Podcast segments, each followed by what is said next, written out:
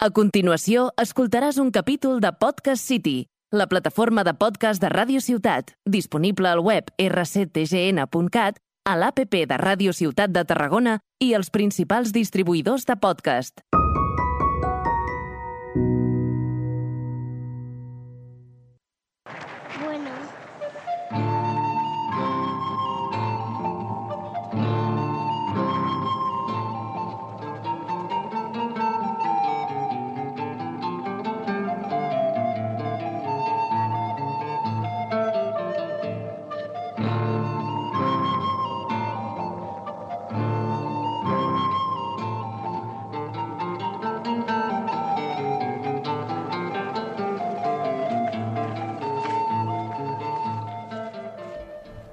Benvingut, benvinguda. En este podcast me propongo informar de manera contrastada y rigurosa, ayudándome con películas que pueden explicar mejor que yo lo que está pasando en materia política, sin olvidar la realidad subjetiva en la que todos vivimos. Porque en la ficción, ya sabéis, al igual que en la política, no hay historia sin conflicto. Mi nombre es Xavier Pérez y estás escuchando La Colmena, porque de reina abeja hay una, pero ya sabéis, otra vez, las obreras seguiremos siendo muchas.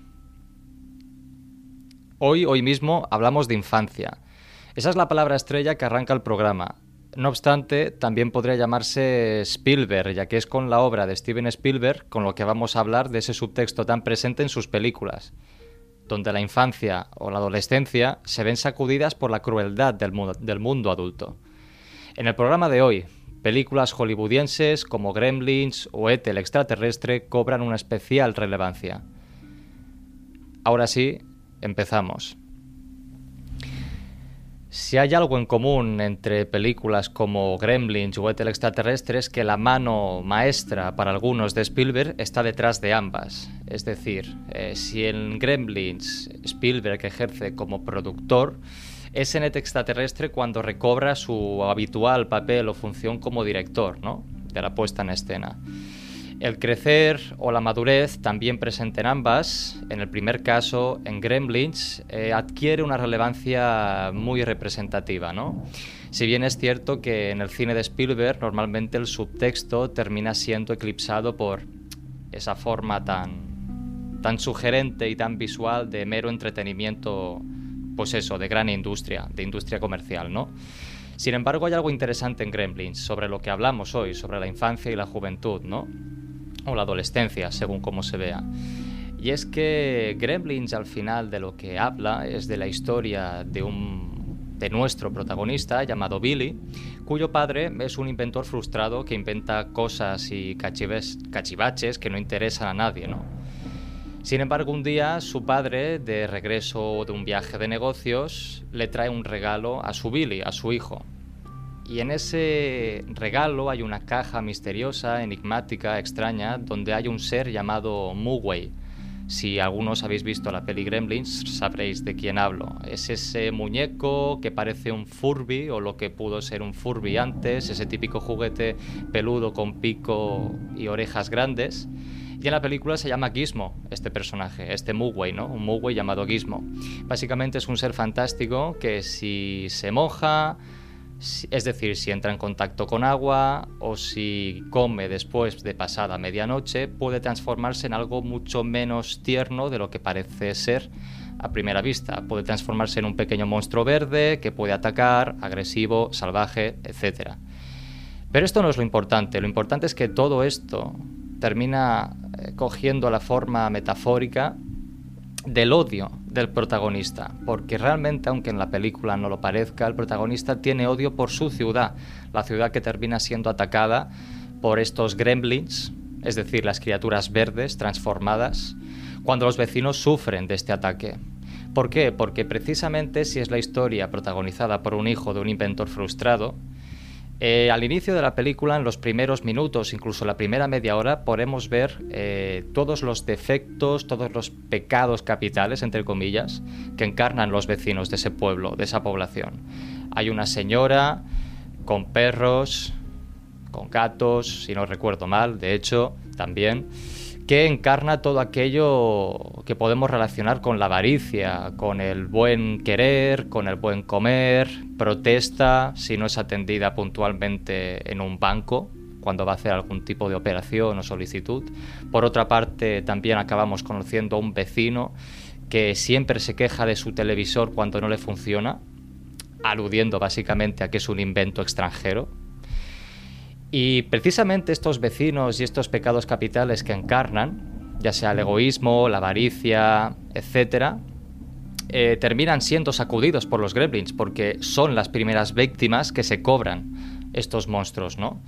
Y es curioso cómo en una obra aparentemente inofensiva y que simplemente busca hacer dinero y divertir a la gente joven y a la gente adulta en definitiva, también tiene un subtexto político, puesto que al final no deja de ser el Gremlin una representación del Dr. Jekyll y Mr. Hyde respecto al protagonista de la historia, porque es como si el odio que se pueden permitir eh, los gremlins y que por otra parte no se puede permitir el protagonista, sirviera de lucha y de revancha contra esos vecinos que marginaban al protagonista y a su padre, el inventor, por cuestión de clase.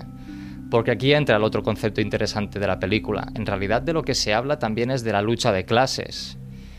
Hay un amigo barra conocido del protagonista que se ve claramente en una cena, en una escena donde además este supuesto amigo intenta ligar con la chica que le gusta a Billy, que pertenece a otra clase, pertenece a una clase alta, mientras que Billy, ya se sabe, hijo de un inventor de cosas que no quiere nadie, y que de hecho tiene en su casa una, un mecanismo casero para exprimir zumo, puesto que no quieren comprar zumo embotellado, también cosa rara, termina quedando patente que ambos pertenecen a otras esferas sociales. Y la lucha de clases, de alguna manera, es como si estuviese siendo instrumentalizada por los gremlins, inconscientemente, buscando crear una especie de anarquía sin sentido y un caos, eh, atacando y haciendo pequeñas grandes travesuras y enfrentando al pueblo entre sí, ¿no? Básicamente buscando la, el absoluto colapso de ese pueblo que parecía tan tranquilo y tan a gusto con sus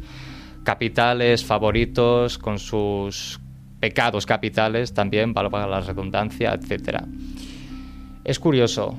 Eh, de hecho, en la otra película de la que íbamos a hablar, de Teleextraterrestre, eh, ¿qué es el extraterrestre? Pues básicamente de lo que se habla es de es la historia de un alienígena que visita a un niño que está pasando por un duelo. Un duelo que consiste básicamente en el no superar que los, los están, están en proceso de separación, ¿no? es decir, que los padres se están separando, que hay un divorcio puesto en marcha y que la vida doméstica y familiar de ese pequeño niño, llamado Elliot, si lo recordáis, no volverá a ser la misma nunca a partir de, entonces, ¿no?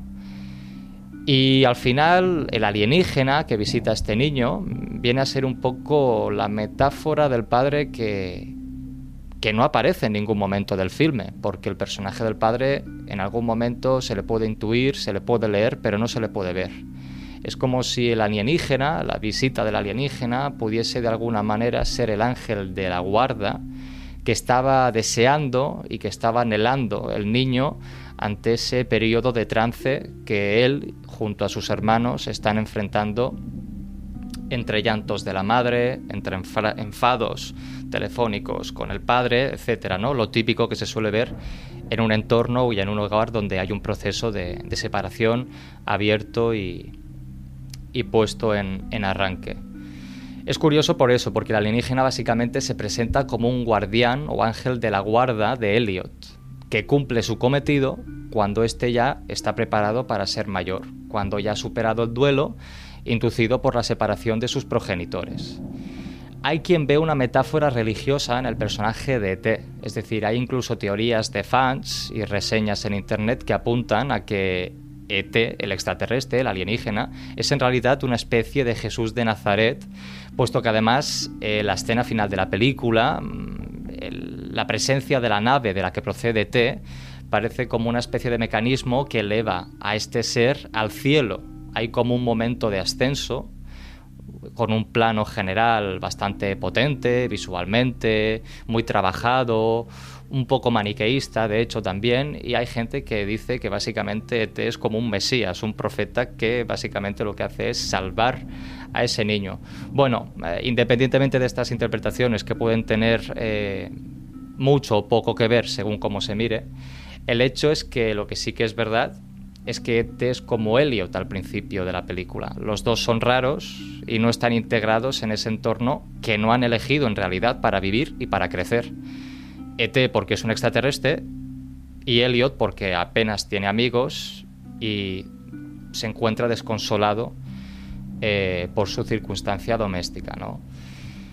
De hecho, eh, esto sí es mucho más interesante lo que se va a apuntar a continuación, porque una teoría que quizás no es tan descabellada como la del Jesucristo extraterrestre, por decirlo así, es que Elliot eh, tiene una desafección, tiene un, prejuicio nihilista de la vida al principio de la película. Es decir, es como si este trance que está por superar todavía, le está llevando a un deseo de alguna manera casi suicida. Es un niño, sí, es verdad, pero es curioso porque ET también se puede ver como una representación de un visitante que procede de otro mundo. De hecho, esto es así. Pero ¿y si ese otro mundo pudiera ser interpretado como ese mundo en el que una persona cuando ya no está en vida se marcha? Hay quien ve entonces que ET básicamente también puede simbolizar, simbolizar un subtexto que viene a indicar la visita de un fallecido, de un muerto que vuelve y retorna a la vida para advertir a un personaje que todavía está vivo que no hay ningún interés en otro mundo que no sea ese, el terrenal, porque todavía queda mucho por hacer, queda mucho por divertir y queda mucho por jugar. Y esto puede tener también pues cierto, cierto motivo de reseña, ¿no? De hecho así ha sido. Hay muchas páginas en internet que hablan de teorías muy semejantes, como, como venimos diciendo. De hecho, fijaos, en la famosa escena del vuelo con bicicleta, donde aparece de fondo la gran luna, es seguramente el fotograma más conocido de la película, ¿no? De Tel extraterrestre. Pues el, el, objeto de la bicicleta, al final, eh, es como un símbolo del entretenimiento infantil que Elliot no puede cubrir con sus padres, puesto que no están por la labor de perder, entre comillas, el tiempo jugando con su hijo. Sin embargo, este nuevo padre que aparece, este nuevo padre llamado Ete, sí termina permitiendo acompañarlo en el juego de la bicicleta con sus colegas. De hecho, termina volando con ellos dentro de la propia bicicleta, ¿no? Y la bicicleta también es un símbolo del nexo paterno-filial que Ete sí cubre, a diferencia de los padres reales y humanos que aparecen en la película que no estaban por esa labor. Es curioso cómo Hollywood a veces eh, podría poner el foco de atención en un subtexto más político, más social y se termina conformando con formas un poco más dantescas, insustanciales, superficiales, para algunos, claro. Hay quien claramente disfruta mucho abiertamente con esta clase de películas. En cualquier caso, es interesante que todas las películas, ya sea consciente o más inconscientemente, sí hay palpable un subtexto político y esto es básicamente lo que hemos hecho en el podcast de hoy. Pues hasta aquí el podcast de hoy, abejitas. Para más cine y política, seguid volando cerca de esta colmena, que ya sabéis, sí, otra vez, ya lo sabéis que aquí no hay reina superior a que valga. Ens escoltem en un altre vol. Bon cap de setmana i fins aviat.